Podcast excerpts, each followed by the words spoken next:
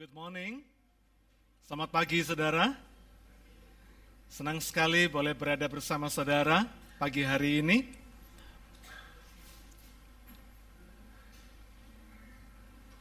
Pagi ini saya akan bicara tentang ibadah yang sejati. Ya. Ada dua hal prinsip di dalam setiap ibadah. Yaitu yang pertama, kepada siapa kita beribadah. Yang kedua, bagaimana kita beribadah.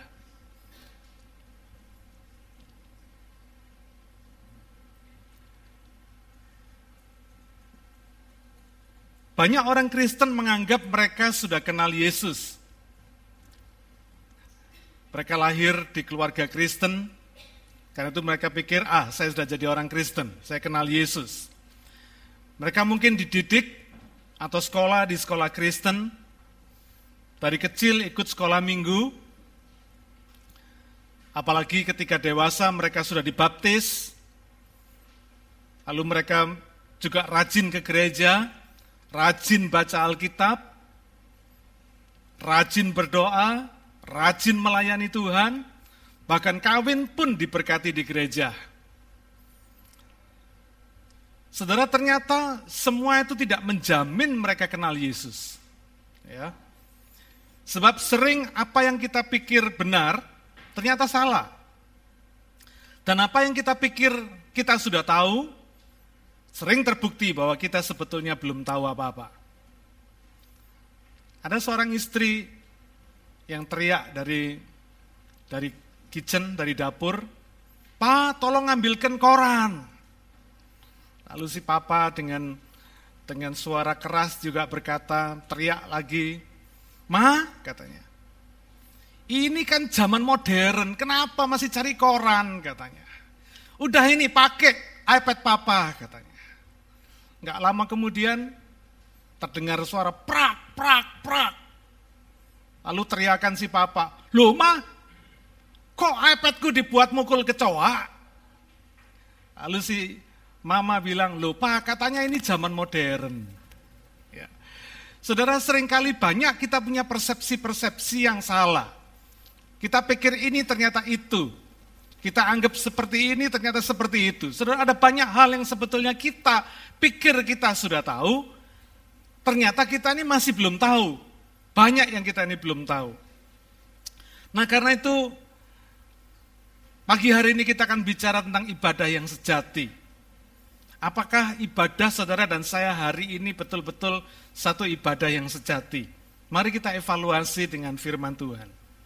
Kita akan buka pertama Markus pasal yang ke-8. Kita akan baca ayat 27 sampai 30. Markus pasal 8 ayat 27 sampai 30. Poin yang pertama ini kita bicara tentang kepada siapa kita beribadah. Kemudian Yesus beserta murid-muridnya berangkat ke kampung-kampung di sekitar Kaisaria Filipi. Di tengah jalan ia bertanya kepada murid-muridnya, katanya, kata orang, siapakah aku ini? Jawab mereka, ada yang mengatakan Yohanes Pembaptis, ada juga yang mengatakan Elia, ada pula yang mengatakan seorang dari para nabi. Ia bertanya kepada mereka, tetapi apa katamu? Siapakah aku ini? Maka jawab Petrus, engkau adalah Mesias. Di dalam terjemahan bahasa Inggris ada yang dikatakan Christ, engkau adalah Kristus. Lalu Yesus melarang mereka dengan keras supaya jangan memberitahukan kepada siapa pun tentang dia. Saudara, kalau kita hanya mau baca sepotong ini saja, kita mungkin belum melihat konteksnya. Tapi ingin saya mengajak saudara untuk melihat di awal dari Markus pasal 8 ini. Nah kalau saudara baca mulai dari ayat yang pertama sampai ayat ini, ayat 27 ini, saudara akan mengerti bahwa dari awal ada beberapa peristiwa yang mendahului peristiwa di Kaisaria Filipi ini. Ya. Kenapa saya ambil potongan ini, potongan uh, perikop ini? Karena dari perikop ini nanti kita akan ketemu di situ bahwa sejak mulai saat itu Yesus mulai memberitakan kematiannya.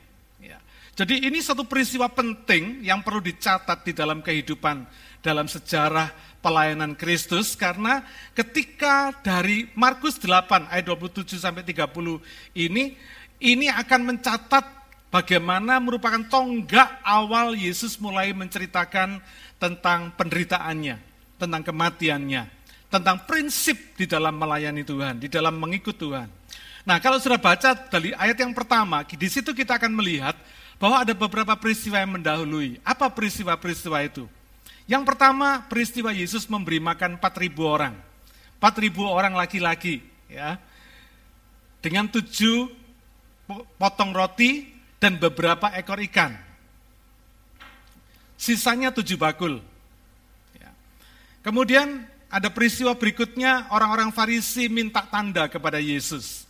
Mereka berkata, Yesus kalau kamu memang betul nabi, kalau kamu memang betul Allah, anak Allah, coba tunjukkan bagi kami. Apa kira-kira tanda dari sorga? Tanda dari sorga apa yang kamu bisa berikan ya, kepada kami? Itu peristiwa yang kedua. Lalu peristiwa yang ketiga, Yesus memperingatkan murid-muridnya supaya berhati-hati tentang ragi orang Farisi dan ragi Herodes. Ini peristiwa yang ketiga. Lalu peristiwa yang keempat, Yesus menyembuhkan seorang buta di Bethsaida. Dan ini menarik sekali. Kalau saudara baca di, di dalam Injil Sinoptik yang lain, saudara bisa melihat di situ diceritakan bahwa Yesus meludah ke tanah, ya toh, lalu dia dia udek-udek tanah pakai ludah dia, lalu dia oleskan ke ke mata orang buta. Dan mata orang buta itu sembuh. Tapi di dalam Markus pasal 8 diceritakan di sini, bahwa Yesus meludahi orang buta itu, meludahi matanya. Kira-kira kalau hari ini ada ada pendeta seperti itu, kira-kira saudara mau ke gereja enggak? Saudara minta didoakan, matanya sakit, tiba-tiba pendeta diludahi. Mata saudara diludahi. Kira-kira saudara bisa protes enggak? Ya. Kadang-kadang dalam perjalanan, di dalam pelayanan Tuhan Yesus ada hal-hal yang unik sekali, yang kita nggak mengerti. Tetapi yang luar biasa ketika Yesus meludahi mata orang buta ini, lalu dia jamah matanya, orang buta ini mulai melihat. Nah, ketika dia mulai melihat, dia berkata, aku melihat orang berjalan, tapi kayaknya seperti pohon berjalan, katanya saudara. Ya. Lalu kemudian Yesus jamah lagi matanya, sehingga orang buta ini bisa melihat dengan jelas, clear. Ya. Satu peristiwa yang unik sekali. Nah, Saudara, dari peristiwa-peristiwa ini kita baru mengerti kenapa Yesus bertanya kepada murid-muridnya, kata orang siapa aku ini? Saya ingin mengajak saudara mengerti betul akan akan konteks dari apa yang dikatakan Yesus ini. Kira-kira kalau orang-orang yang mengalami waktu itu dikasih makan Tuhan Yesus 4.000 orang dengan tujuh ketul roti dan beberapa ekor ikan aja, lalu mereka makan kenyang, kira-kira mereka ini akan berkata apa? Mereka akan diingatkan oleh peristiwa yang lalu, peristiwa sejarah nenek moyang mereka. Ketika Musa menurunkan mana di padang gurun, ya kan?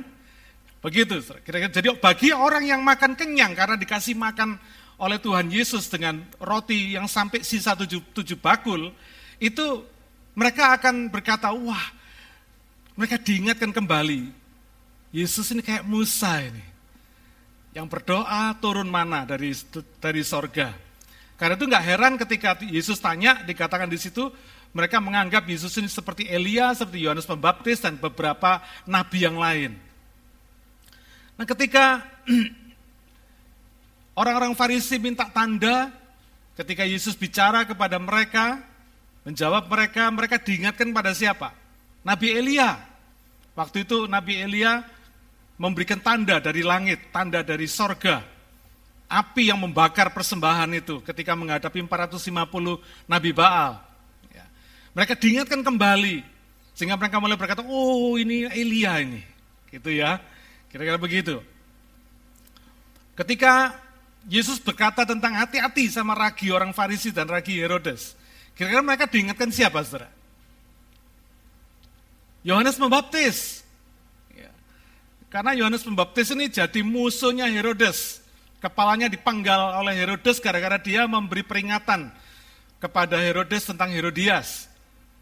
Ya.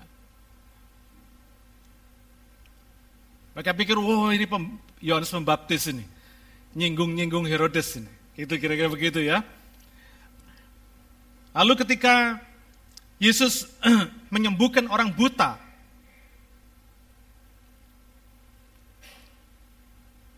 Siapa kira-kira mereka diingatkan pada siapa? Elia juga mungkin. Karena di situ di, pernah diceritakan di dalam sejarah Elia menyembuhkan anak orang janda yang sakit, bahkan yang mati dihidupkan kembali. Saudara, karena itu tidak heran ketika itu di tengah-tengah masyarakat, di tengah-tengah orang banyak ada timbul banyak opini-opini. Ada timbul banyak persepsi-persepsi, betul? Nah, saudara hal-hal seperti ini juga terjadi di dalam kehidupan orang Kristen pada hari-hari ini. Amin. Ada banyak persepsi tentang Tuhan. Ada banyak opini tentang Tuhan.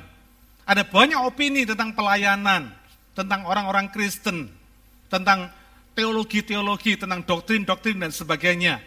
Tapi pertanyaan Yesus itu menarik sekali. Tapi apa katamu, kat, siapakah aku ini? Dia tanya kepada murid-muridnya. Saudara, ini satu pertanyaan yang sifatnya private. Tetapi apa katamu, siapakah aku ini?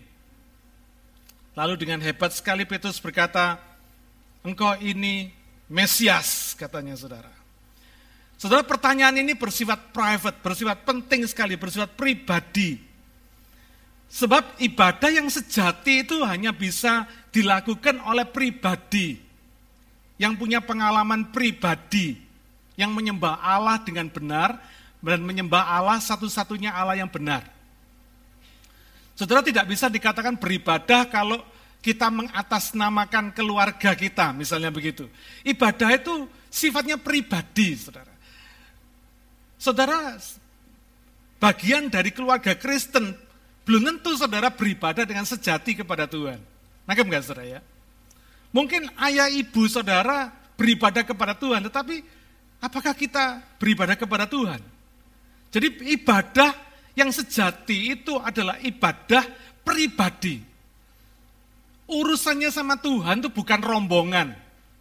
Ya, bukan orang Jawa bilang swargo nunut neraka katut, kira-kira begitu. Bukan.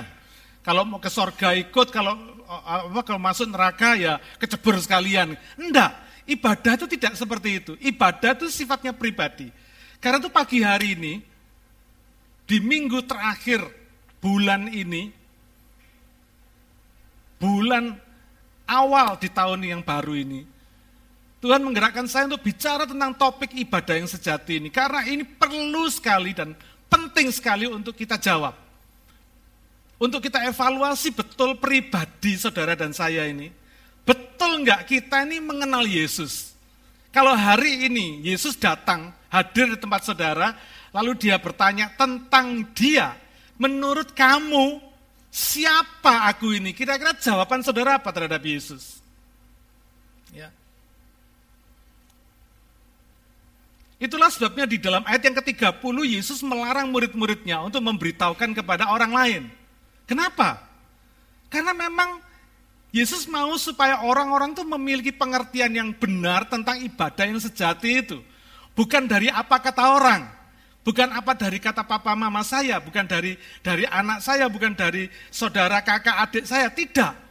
Tuhan mau supaya setiap pribadi, setiap orang, setiap kita mengenal Yesus secara pribadi, memiliki satu pengalaman secara pribadi dengan Tuhan. Ini yang akan bicara soal ibadah yang sejati.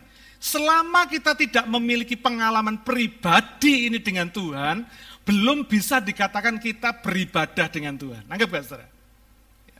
Karena itu tidak heran banyak orang jadi orang Kristen puluhan tahun, tetapi kalau disuruh sharing, tidak bisa sharing. Aneh kan? Ikut Tuhan berapa tahun? 40 tahun. Pak, ayo sharing dong. Waduh, mau sharing apa?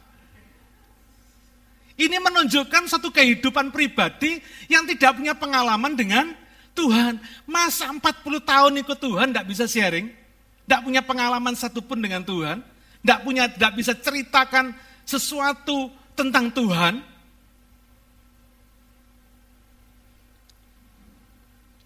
ya.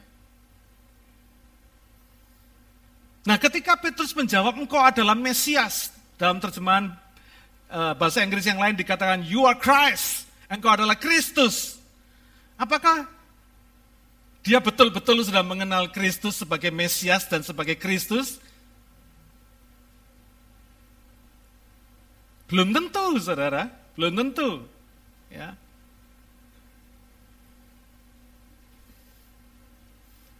Mana buktinya? Kita baca ayat 31 sampai 33. Markus 8 ayat 31 sampai 33.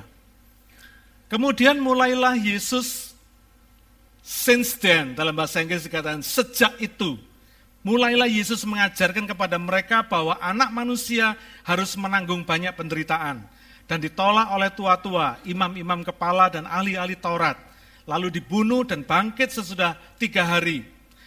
Hal ini dikatakannya dengan terus terang, sudah perhatikan di situ. Tetapi Petrus menarik Yesus ke samping dan menegur dia. Dalam bahasa Inggris, rebuke him, ini bahasa Indonesia menegur dia ini masih halus saudara. Dalam bahasa Inggris dikatakan rebuke him. Nengking Yesus. Ini menarik loh saudara. Kalau Yesus nengking setan banyak ceritanya. Tapi ini Petrus nengking Yesus. Bayangin. Oleh seorang yang menjawab, you are Messiah. You are Christ. Beberapa menit kemudian nengking Yesus rebuke him. Kira-kira rebuke itu gimana, saudara? Ketika Yesus ngomong itu kira-kira mungkin ditarik langsung, kira-kira begitu ya. Atau mungkin dimarahi, dibentak, mungkin begitu. Bisa terjadi begitu. Karena Alkitab ini jujur, saudara. Ya. Saya sampai geleng-geleng kepala. Mana ada cari oh yang lain, saudara. Tidak ada satu orang punya rebuke Yesus kecuali Petrus. Orang yang baru berkata, you are Messiah, you are Christ. Tapi dalam waktu yang sama, enggak begitu lama dia rebuke Yesus. Ketika Yesus menceritakan tentang apa yang akan terjadi pada dia. Lalu ayat 32 dikatakan hal ini di, oh, ayat 33 maka berpalinglah Yesus dan sambil memandang murid-muridnya, ia memarahi Petrus. Katanya, enyahlah iblis, sebab engkau bukan memikirkan apa yang dipikirkan oleh Allah, melainkan apa yang dipikirkan manusia. Saudara, Yesus panggil Petrus iblis. Kira-kira kalau ada pendeta manggil saudara iblis, Mau ke gereja enggak? Saudara kan berkata, amit-amit gua sudah sekali ini aja ya, terakhir kaki gua menginjakkan gereja ini. Saudara akan apa akan sakit hati kalau sudah dipanggil iblis. Tapi Yesus tegas ngomong sama Petrus, enyah engkau iblis. Get behind me, Satan, katanya gitu saudara. Dan itu ditangking sama iblis, apa dia Yesus ngomong begitu sama Petrus di muka murid-murid yang lain, di muka orang banyak. Karena itu ini membuktikan bahwa betapa pentingnya pengakuan ini, saudara. Ya. Karena di dalam urusan pengakuan ini, di dalam urusan jawaban terhadap siapakah aku ini, di situ terungkap banyak hal. Kesatu, Yesus mulai menceritakan dengan terus terang tidak dengan perumpamaan, dengan terus terang tentang apa yang akan terjadi di dalam kehidupannya, bahwa dia akan ditangkap, dia akan dianiaya, bahkan dia akan dibunuh, diserahkan oleh imam-imam kepala, bahkan dia akan mati dan dia akan bangkit pada hari yang ketiga. Diungkapkan, since then, itu merupakan satu tonggak sejarah, tonggak waktu, di mana Yesus mulai menceritakan tentang apa yang akan terjadi dengan terus terang kepada mereka.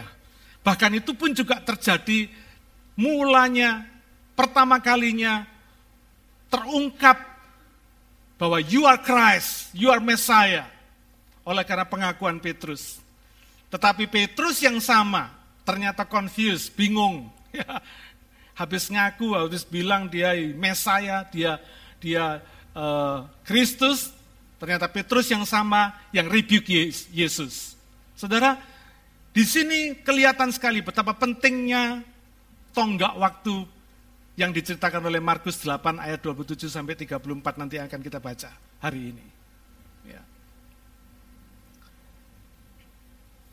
Ini bukti bahwa apa yang dikatakan oleh Petrus tentang Yesus ternyata tidak menjamin dia mengenal Yesus. Betul nggak saudara? Kalau dia betul-betul mengenal Yesus, tidak bakal dia rebuke Yesus. Ketika Yesus menceritakan dengan terus terang apa yang akan terjadi pada dia. Yesus nggak salah. Dia bicara apa adanya, terus terang. Dia ceritakan bahwa dia akan mati dan sebagainya, dia akan diserahkan. Tetapi apa yang terus terang ini ditanggapi oleh Petrus sebagai sesuatu yang tidak menyenangkan dirinya. Sehingga dia menolaknya. Saudara, ini menarik sekali. Nah, rupanya apa yang terjadi pada orang buta di Bethsaida tadi yang saya ceritakan, peristiwa yang mendahului sebelumnya, itu memberikan gambaran. Ya, ini satu hal yang unik. Ketika Yesus diceritakan menyembuhkan orang buta di Bethsaida ini dalam dua tahap. Pertama ketika dia ludahi matanya, orang buta ini cuma melihat remeng-remeng, ya, dalam bahasa Jawa, samar-samar, blur gitu ya. Dia dia lihat orang kayak kayak eh, pohon berjalan gitu ya. Orang berjalan tapi dia pikir itu pohon berjalan. Lalu ketika Yesus jamah lagi matanya yang kedua kali, orang buta ini baru bisa melihat dengan jelas.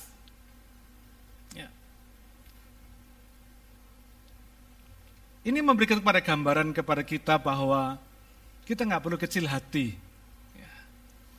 Kalau hari ini mungkin ada di antara saudara yang merasa seperti Petrus, merasa banyak tahu tapi sebetulnya nggak tahu, ya. merasa kenal Yesus tapi saudara sering kali tidak merasakan pengalaman bersama Yesus, jangan kecil hati. Ya. Saudara hanya membutuhkan satu jamahan lagi dari Yesus. Supaya saudara bisa melihat dengan jelas. Supaya saudara bisa mengenal Yesus dengan jelas. Dengan clear, dengan tenang. Dengan terang. Ya. Tapi satu hal yang saudara perlu perhatikan di dalam peristiwa ini. Kenapa Petrus disebut sebagai iblis? Get behind me Satan. Bahkan dipanggil pakai setan sama Yesus. Ini nggak main-main saudara. Petrus itu dianggap sebagai pemimpin dari murid-murid. Lah bayangin kalau pemimpinnya dipanggil setan. Wah ini crossing pride. Ya, pride seorang pemimpin, saudara. Bayangin kalau saudara mimpin murid-murid, lalu sama guru saudara panggil setan lu. Ini akan menyinggung pride-nya, saudara. Ya. Ini nggak main-main, saudara. Tapi saya mau ajak saudara untuk meneliti, kenapa Yesus panggil dia setan, iblis, pergi enggak, enyahlah. Alasannya apa? Ini alasannya. Karena engkau cuma memikirkan apa yang dipikirkan oleh manusia. Engkau tidak memikirkan apa yang dipikirkan oleh Allah. Saya mau warning kita semua, saudara. Ternyata urusan apa yang kita pikirkan ini, ini penting di dalam pandangan Tuhan atas kita. Kalau hari ini Tuhan tanya sama kita, apa yang senantiasa ada di dalam pikiranmu? Kira-kira kita akan jawab apa, saudara? Saya yakin saudara dan saya pasti tidak ingin dipanggil setan sama Tuhan, betul nggak? Karena itu jangan pernah kita memikirkan apa yang dipikirkan oleh manusia kita mesti memikirkan apa yang dipikirkan oleh Allah. Artinya apa saudara? Kira-kira apa maksudnya? Apa yang dipikirkan oleh Allah bukan apa yang dipikirkan manusia. Maksudnya begini, kira-kira begini. Apa yang dipikirkan oleh manusia itu semua yang kita pikirkan itu dasarnya adalah kita sendiri. Kira-kira begitu.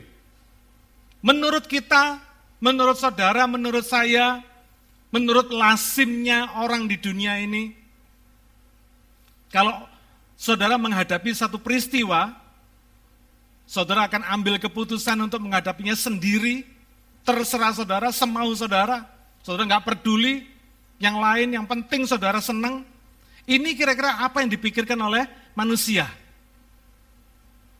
Tapi apa yang dipikirkan oleh Allah itu bicara tentang setiap hal, dari hal yang paling kecil sampai yang paling besar, kita akan berpikir tentang apa yang akan dilakukan oleh Tuhan kalau Tuhan mengalami peristiwa seperti saya. Nangkep nggak saudara? Kalau saudara dihina orang, kira-kira apa yang akan saudara lakukan? Hina balik. Betul nggak? Karena ada orang yang berkata, toh, lu kalau baik sama gua, gua bisa lebih baik dari lu. Tapi kalau lu jahat sama gua, gua bisa lebih jahat daripada lu. Saudara, itu apa yang dipikirkan oleh kita. Tapi kalau kita mau berpikir tentang apa yang dipikirkan oleh Allah, maka kita akan berpikir, kalau Tuhan jadi saya, apa yang akan saya lakukan? Apa yang akan dia lakukan? Apa yang akan Tuhan lakukan ketika Tuhan menghadapi situasi seperti saya? Saudara, mari kita biasakan diri kita untuk berpikir seperti itu. Ini penting. Karena ini the reason yang menyebabkan Yesus panggil Petrus ini setan iblis. Karena itu betapa pentingnya pikiran kita ini. Apa yang kita pikirkan. Karena apa yang kita pikirkan ini akan keluar dari perkataan kita. Semua dasarnya dari pikiran kita. Apa yang kita katakan akhirnya keluar di perbuatan kita. Apa yang kita pikirkan nanti akhirnya jadi kebiasaan kita. Apa yang kita pikirkan keluar di perkataan kita. Apa yang kita katakan keluar di perbuatan kita. Kalau sudah keluar di perbuatan kita akan menjadi kebiasaan kita. Dan ini akan menentukan masa depan kita. Karena itu penting sekali hari ini saya mengajak saudara melihat dengan benar. Kalau hari ini saudara ditanya sama Tuhan, apa yang ada di dalam pikiranmu senantiasa? Apa yang selalu yang kau pikirkan?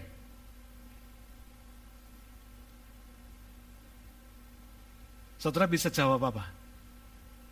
Duit Tuhan. Karena gue butuh duit. Kerjaan, duit, dan sebagainya. Hobi. Pertanyaan ini mesti dijawab, saudara. Ini pertanyaan serius. Karena ini akan menimbulkan panggilan, kira-kira begitu, di hadapan Tuhan. Gak main-main, saudara.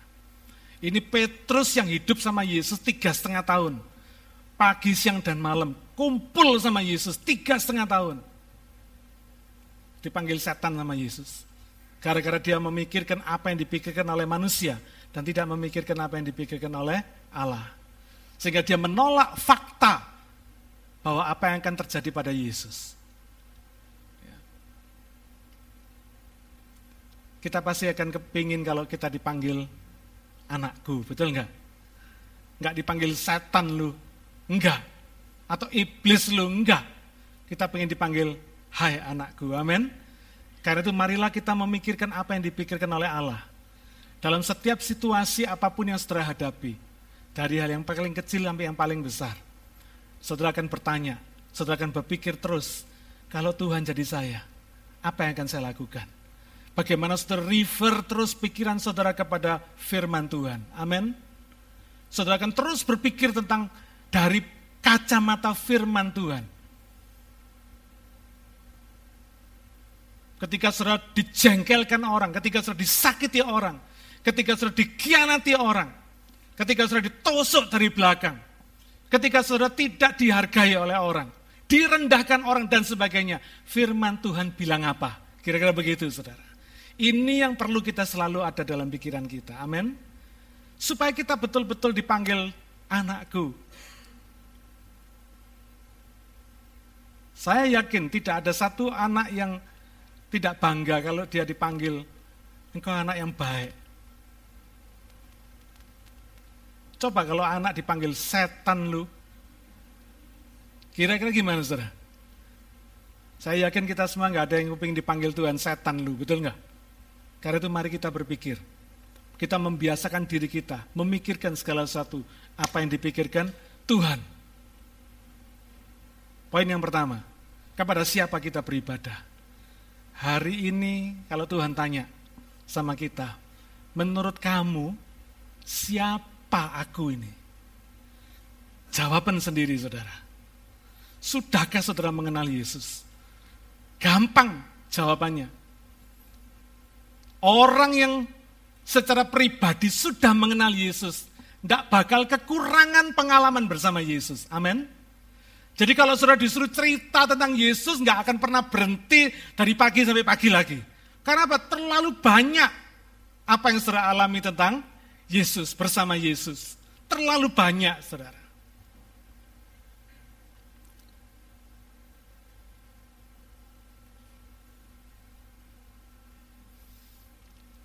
Saya punya kerinduan. Kerinduan saya itu menggelikan, saudara. Saya pengen bisa bikin bakpao. Kelihatannya sederhana atau menggelikan toh. Oh, orang laki kok pengen bisa bikin bakpao. Dan itu memang kerinduan saya, kepinginan saya, saudara. Karena saya tahu bikin bakpao itu tidak gampang. Tidak gampang. Ya. Siapa yang pernah bikin bakpao? Wah, jadi enggak? Jadi, wah hebat. Banyak orang bikin bakpo enggak jadi, saudara, bantat. Jadi kalau dilemparkan anjing, anjingnya bisa mati. Itu kerinduan saya, saudara.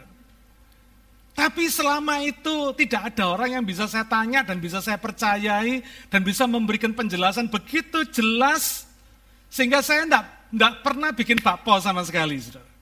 Karena saya tahu bikin bakpo itu tidak gampang karena melibatkan kis, melibatkan yeast, melibatkan apa soda kue dan sebagainya. Ya, ada banyak hal yang ada campurannya di situ sehingga kalau kita nggak nggak pas, nggak hati-hati, nggak bakal jadi, saudara. Ya. Timingnya nggak tepat, ukuran yang dimasukkan nggak tepat, nggak bakal jadi.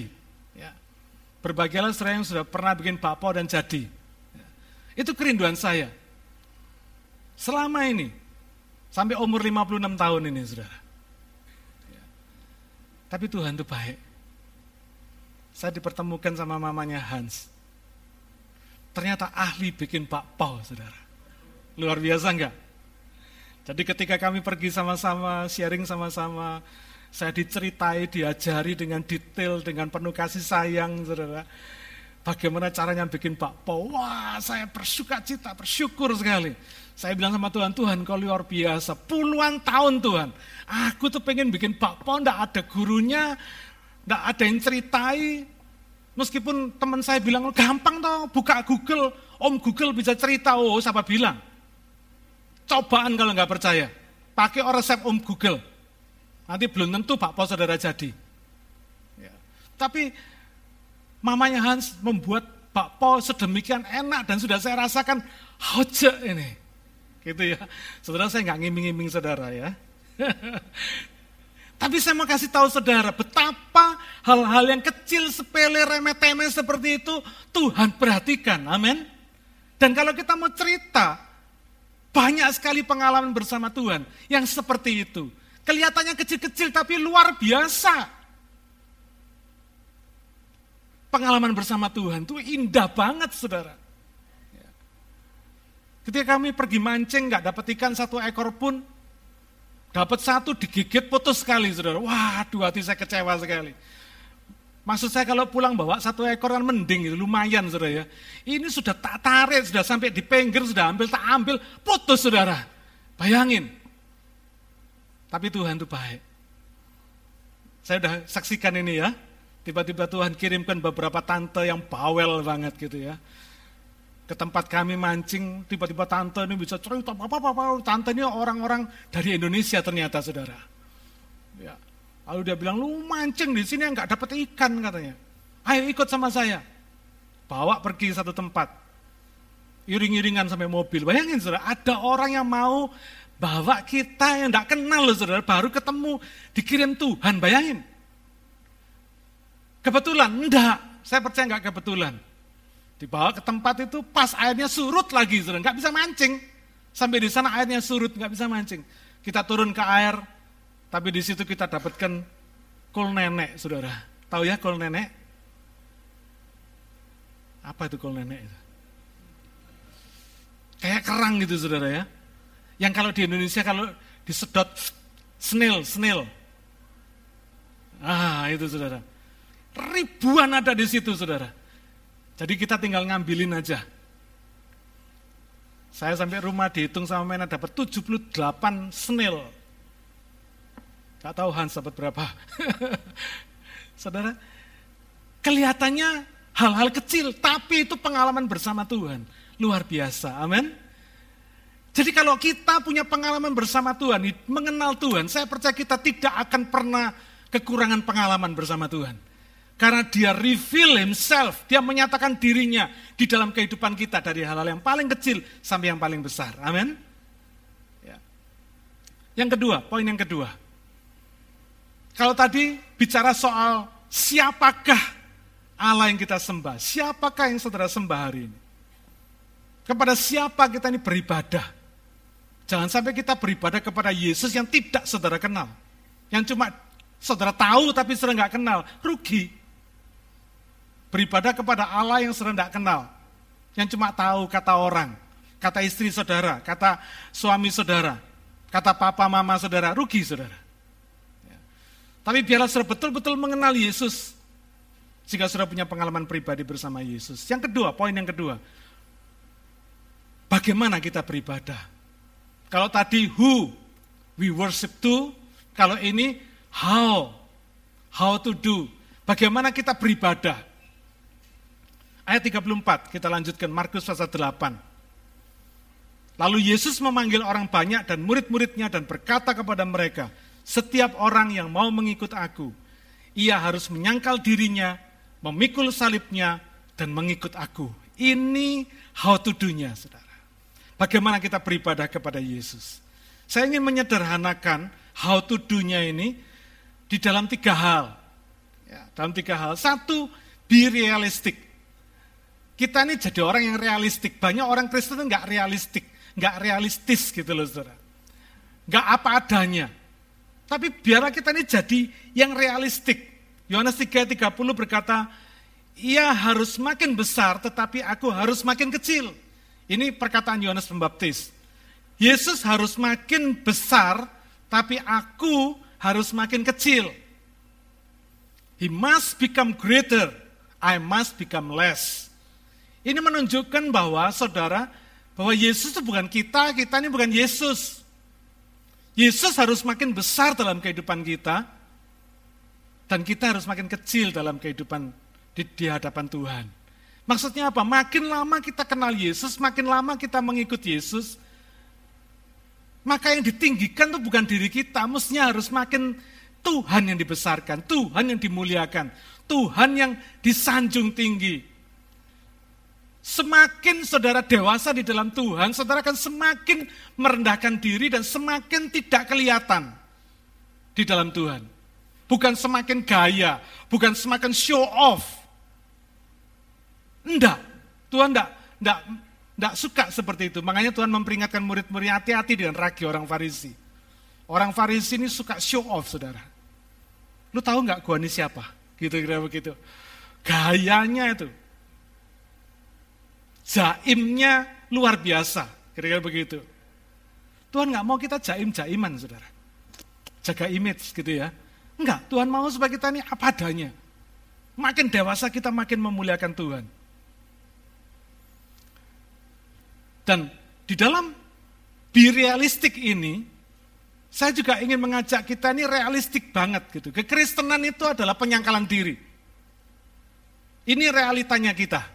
Nah banyak pada hari ini gereja miskin dengan berita ini saudara. Gereja banyak bicara soal berkat, berkat, berkat, berkat. Di sekelilingku ada Tuhan, di sekelilingku ada berkat.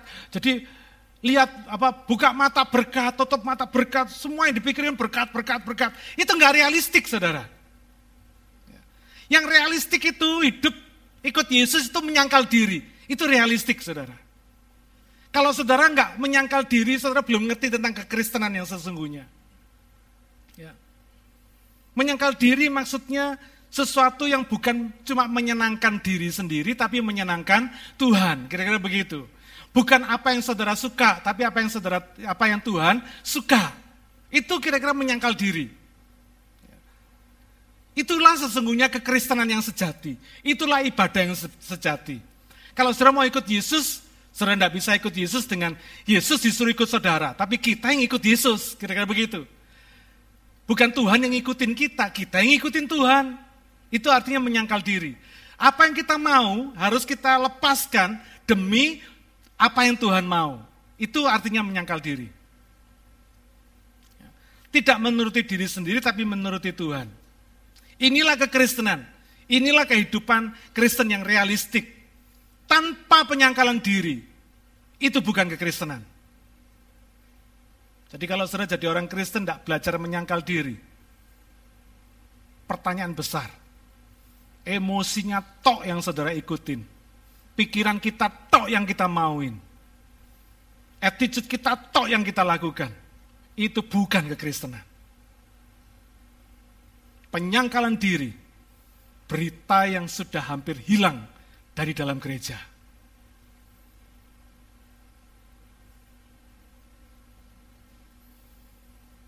Satu hari seorang papa sebelum meninggal dunia, dia panggil dua anaknya. Dia memberikan modal, anaknya masing-masing dikasih satu sepeda motor, kasih satu uang, kasih satu modal buat kerja. Habis itu papanya meninggal. Tapi sebelum meninggal dia pesen. Nak, aku pesen ya, dua hal yang kamu jangan lupa. Satu, jangan pernah nagih hutang. Jadi kalau ada orang yang utang kamu, jangan ditagih. Yang kedua, jangan sampai kamu kena matahari langsung, kena sinar matahari langsung. Dah, itu aja pesennya papa. Anaknya dua manggut-manggut. Ya. Lima tahun kemudian setelah papanya meninggal, mamanya mengunjungi anak yang pertama. Dilihat, waduh hidupnya susah setengah mati, saudara. Lalu mamanya tanya sama anak yang pertama, loh nak, kamu ini kenapa kok bisa hidup susah begini? Ya ini mah, ini gara-gara ngikuti pesennya papa ini. Papa kan bilang, satu, jangan nagih utang. Jadi orang-orang yang utang sama saya nggak tak tagih, akhirnya habis modal saya. Gitu. Yang kedua, Papa bilang, kamu jangan sampai kena sinar matahari langsung. Jadi saya tidak berani naik sepeda motor, naik taksi terus, pengeluaran besar. Lama-lama ya bocoran katanya saudara. Tidak sukses hidupnya. Lalu mamanya geleng-geleng, wah kok bisa ya nak, nasibmu kok kayak begini katanya. Lalu mamanya datang ke anak yang kedua. Mamanya kaget, wah kok jadi tambah kaya raya. Berbeda sekali dengan hidup dari anak yang pertama tadi. Lalu mamanya tanya, nak kok bisa kamu hidupnya kayak begini sekarang?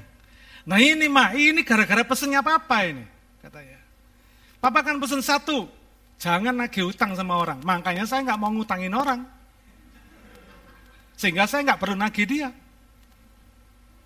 Saya sangat berhati-hati sekali memilih customer, sehingga saya tidak dirugikan nama customer. Yang kedua, Papa pesen supaya jangan sampai saya kena matahari langsung. Karena itu saya buka toko pagi-pagi sekali sebelum matahari terbit, dan saya tutup toko malam sore setelah matahari terbenam. Nangkep nggak saudara ya? Sehingga orang tahu bahwa toko saya buka sebelum matahari terbit dan tutup sesudah matahari terbenam.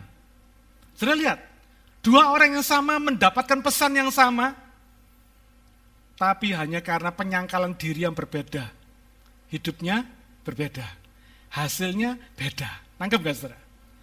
Hari ini mungkin saudara mendengar ayat yang sama, firman yang sama, pengkhotbah yang sama.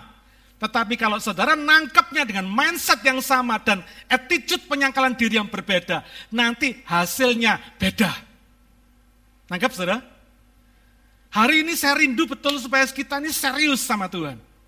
Kita nggak sekedar ibadah, tapi betul-betul kita tuh memiliki satu ibadah yang sejati di hadapan Tuhan. Ya. Saya ngomong gini bukan berarti saya sudah sempurna atau saya sudah hebat, enggak. Kita sama-sama belajar. Kalau saya ngomong begini ini kayak pedang bermata dua. Saya ngomong buat saudara, saya ngomong buat diri saudara sendiri, apa diri saya sendiri. Mari kita sama-sama kita ibadah yang sejati. Sampai di mana attitude kita sama Tuhan. Iya loh saudara, ini penting loh. Kalau saudara kerja sama Tuhan, apa kerja sama orang, berani bolos nggak? Nggak berani kan? Kenapa? Takut dipecat kan? Lah kalau sama Tuhan, saudara kok sering bolos? Kok sering nggak ke gereja? Dengan alasan segudang seribu alasan ada semua. Kepala sakit lah, pinggang encok lah, segala macam ada semua. Kenapa kok nggak takut dipecat sama Tuhan? Ya, ini bicara soal apa? Attitude. Apakah betul apa yang kita pikirkan ini Tuhan? Apa apa yang kita pikirkan ini daging kita sendiri? Ini menunjukkan kualitas nanti di hadapan Tuhan. Yang kedua, ya. be clear. Kalau tadi yang pertama, be realistic. Jadilah orang Kristen yang realistik. Yang realistik itu apa? Penyangkalan diri. Saya senang sekali Tuhan tuh nggak bikin sorga di telinga kita. Dia kalau ngomong apa adanya, realistik banget. Tadi dikatakan, dengan terus terang. Yesus mengatakan dengan terus terang kepada murid-muridnya. Kepada orang lain, kepada orang banyak, Yesus mungkin berkata tentang dengan metafora, dengan perumpamaan-perumpamaan. Kepada murid-muridnya Yesus ngomong terus terang. Ya. Yang kedua, be clear. Apa maksudnya? Tuhan berkata, kalau kamu mau ikut aku, kamu harus menyangkal diri, deny yourself, dan take up your cross. Pikul salibmu. Pikul salibmu. Roma 6 ayat 3 sampai 5 berkata, atau tidak tahukah kamu bahwa kita semua yang telah dibaptis dalam Kristus, telah dibaptis dalam kematiannya. Dengan demikian kita telah dikuburkan bersama-sama dengan dia oleh baptisan dalam kematian. Supaya sama seperti Kristus telah dibangkitkan dari antara orang mati oleh kemuliaan Bapa, demikian juga kita akan hidup dalam hidup yang baru. Sebab jika kita telah menjadi satu dengan apa yang sama dengan kematiannya, kita juga akan menjadi satu dengan apa yang sama dengan kebangkitannya. Mengikut Yesus itu pikul salib. Berita salib ini juga hampir hilang dari gereja, saudara. Bukan cuma berkat, salib. Dan salib itu realistiknya, jelasnya, bukan kemuliaan, penderitaan. Salib itu bicara tentang penderitaan. Bicara tentang aniaya, bukan kenyamanan. Hari-hari ini banyak orang ikut Tuhan karena pengen nyaman. Tidak bakal ketemu Tuhan, saudara. Ya. Justru kenyamanan itu akan menjauhkan kita dari Tuhan. Bikin kita tidak mau pikul salib. Tidak siap menderita bersama Tuhan. Martin Luther pernah berkata demikian. Be clear. The cross is not glory. But no cross, no glory. Mantap, saudara. Saya senang ketika saya baca kata-kata Martin Luther ini. Be clear, dia bilang. Be realistic. The cross is not glory. Salib itu bukan kemuliaan. Maksudnya salibnya kita. Salibnya Yesus kemuliaan. Salibnya kita enggak. Salibnya kita itu bicara tentang penderitaan. Bicara tentang sesuatu penyangkalan diri. Bicara satu aniaya. Bicara sesuatu yang tidak nyaman. But, dia katakan, no cross, no glory. Wah, saya senang sekali, saudara. Inilah esensi dari berita tentang salib. Saudara jangan pernah mimpi dimuliakan Tuhan tanpa siap pikul salib sama Tuhan. Tidak ada salib, tidak ada kemuliaan. Tanpa kematian, tidak ada kebangkitan. Kira-kira begitu. Ya.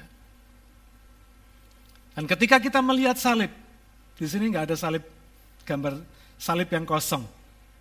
Ya. Ketika kita melihat ada salib, salib di gereja Kristen, salibnya kosong. Tidak ada orangnya, kira-kira begitu ya. Kenapa begitu? Karena dulu Yesus ada di sana dan tapi Yesus sudah bangkit.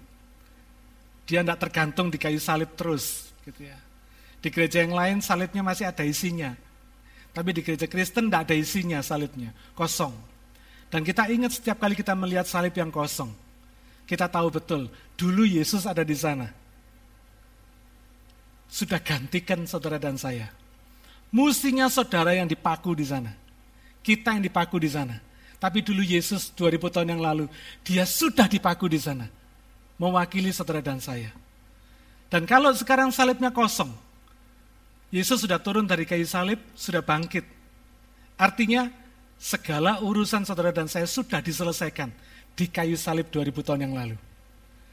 Karena itu ketika kita melihat salib yang kosong, kita mesti jelas, clear, realistik sekali. Kita jadi orang Kristen gak usah jaim-jaiman. Gak usah dilihat orang supaya kita ini kelihatan baik, kelihatan benar. Jadi kalau ketemu orang, shalom, oh haleluya, shalom. Gak usah saudara, gak usah gitu-gituan. Itu gaya tok orang Surabaya bilang. Show off tok. Gak perlu gitu-gituan. Dan kita gak perlu minder mengakui bahwa kita ini memang dulu asalnya jadi orang tidak baik dan orang tidak benar. Tapi gara-gara Yesus yang baik, kita ini dijadikan baik. Amin. Kita yang tidak benar dijadikan benar karena apa? Yesus. Makanya salibnya sudah kosong sekarang. Jadi kita nggak perlu minder lagi, saudara. Jadi kalau ada orang ngatain saudara nggak baik, saudara berkata ya nggak apa-apa dulu memang. Sekarang sudah baik. Karena apa? Sudah dibikin baik sama Tuhan. Amin. Karena Tuhan baik. Lu nggak bener ya, memang dulu nggak bener. Tapi sekarang udah dibenerin sama Tuhan. Udah ditebus sama Tuhan. Salib yang kosong membuat kita tidak minder.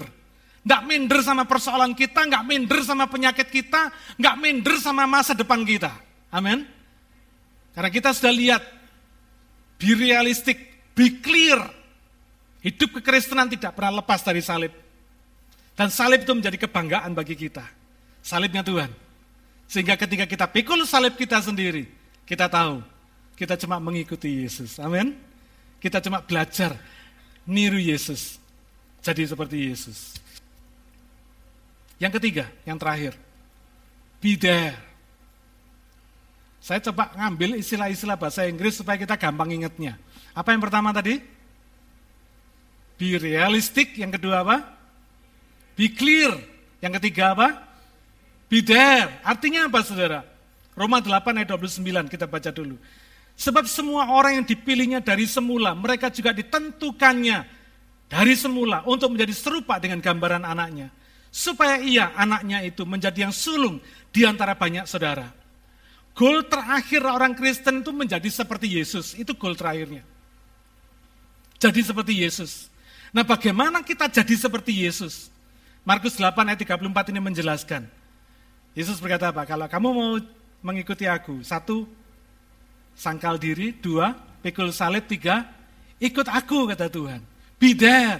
Artinya apa? Di mana Yesus berada, ya di situ kita ada, kira-kira begitu. Jangan cuma di mana harta saudara berada, di situ saudara ada. Jangan.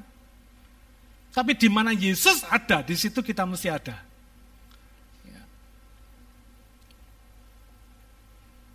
Bagaimana karakter Yesus, demikian juga karakter kita. Kita ikutin karakter Yesus.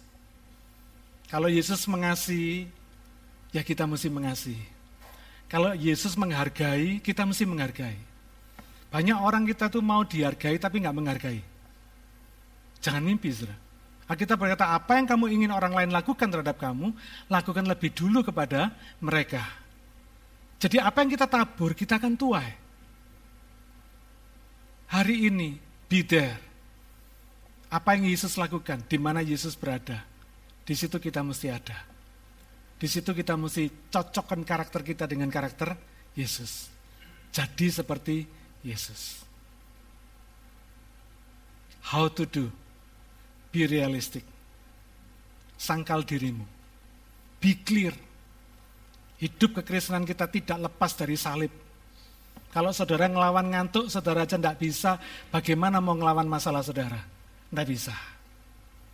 Pikul salib, sangkal diri. Yang ketiga apa? Be. Ikut Tuhan. Di mana Yesus ada, di situ saudara ada. Kalau Yesus disiplin, saudara juga mesti disiplin.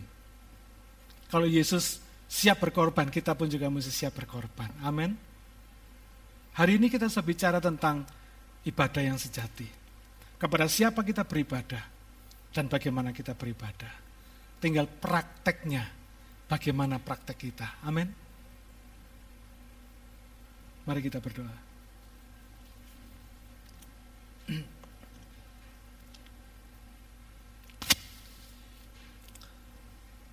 Bapak hambamu sudah selesai bicara.